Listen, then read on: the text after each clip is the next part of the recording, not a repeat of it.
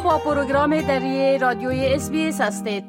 حال با همکارم سام انوری درباره یکی از رویدادهای مهم صحبت می کنم آقای انوری سلام عرض می کنم خب یکی از مهمترین رویدادها در این شب و روز مسئله ادعای جناح مخالف در این مورد است که حکومت به نفع کانتاس از افزایش پروازهای شرکت هواپیمایی قطر جلوگیری کرده. بله؟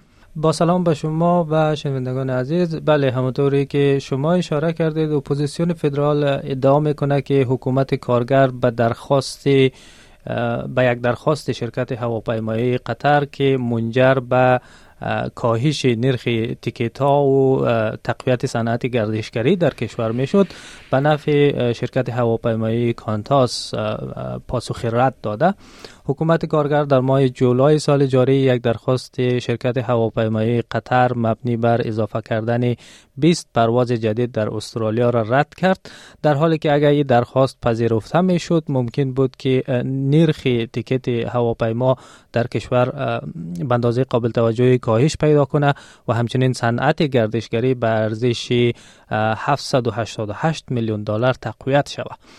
اپوزیسیون مدعی است که نخست وزیر انتونی البنیزی نقش کلیدی را در رد درخواست بازی کرده و از شرکت کانتاس در برابر رقابت بیشتر محافظت کرده. اما آقای البنیزی روز دوشنبه 4 سپتامبر در پاسخ به سوالهای نمایندگان اپوزیسیون در مجلس این ادعا را رد کرد و گفت که هرگز از طرف شرکت کانتاس لابی نشده. نخست وزیر گفت که در مورد قرارداد شرکت قطر یک مکالمه طولانی داشته اما هیچ نماینده ای از شرکت کانتاس در این مکالمه حضور نداشته. و او سوال های اپوزیسیون در مورد تصمیم حکومت برای رد درخواست شرکت قطر را ناشی از ناتوانی کامل اپوزیسیون در درک نحوه عملکرد سیستم هوانوردی بین المللی عنوان کرد و گفت که استرالیا بازترین بازار هوانوردی را در جهان داره و همچنین شرکت هواپیمایی قطر می‌تونه که همین امروز و همین اکنون کرسی ها یا چوکی های بیشتری را در پروازهای استرالیایی خود اضافه کنه. بله. خب جناح مخالف یا اپوزیسیون میگه که ابهامات در تصمیم حکومت برای اجازه ندادن به شرکت قطر به خاطر افزایش پروازایش وجود داره و خواهان یک تحقیق مجلس سنا در این مورد است. بله؟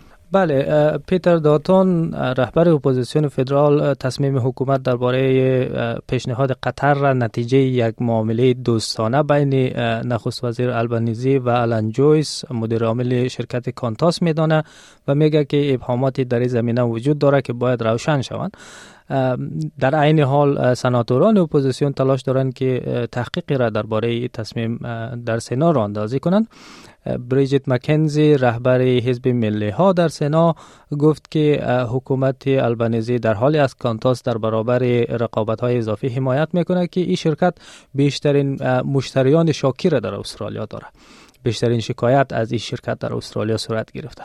سناتور مکنزی گفت که مردم استرالیا حق دارند بدانند که این تصمیم حکومت نتیجه به گفته او یک معامله کثیف نبوده. در عین حال حزب سبز یا سبز ها هم پیشنهاد را در مجلس سنا مطرح کرده که اگر رای بیاره حکومت را مجبور می‌کنه که اسناد مربوط به این تصمیم خود را منتشر کنه.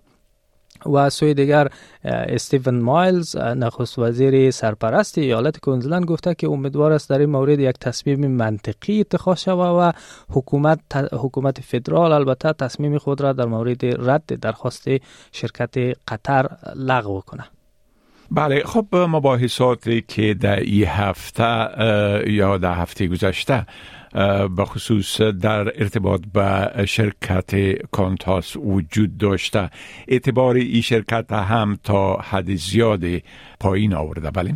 بله حکومت آلبانیزی در زمان زیر فشار اپوزیسیون قرار گرفته که در یک هفته گذشته اعتبار شرکت کانتاس به دلیل رسوایی های متعدد شدیداً صدمه دیده هفته گذشته آلان جویس مدیر عامل این شرکت که البته قرار است روز چهارشنبه 6 سپتامبر از سمت خود کنار بره.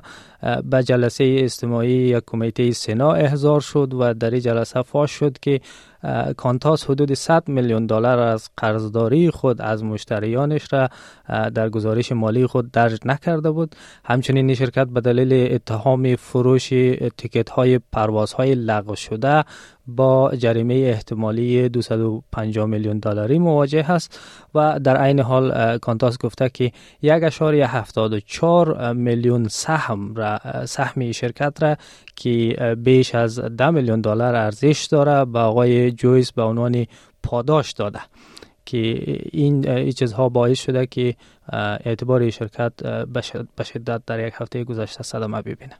بله خب بسیار تشکر آقای انوری از این معلوماتتان و فعلا شما را به خدا می سپارم روزتان خوش تشکر از شما وقت خوش می خواهید این گونه گزارش ها را بیشتر بشنوید؟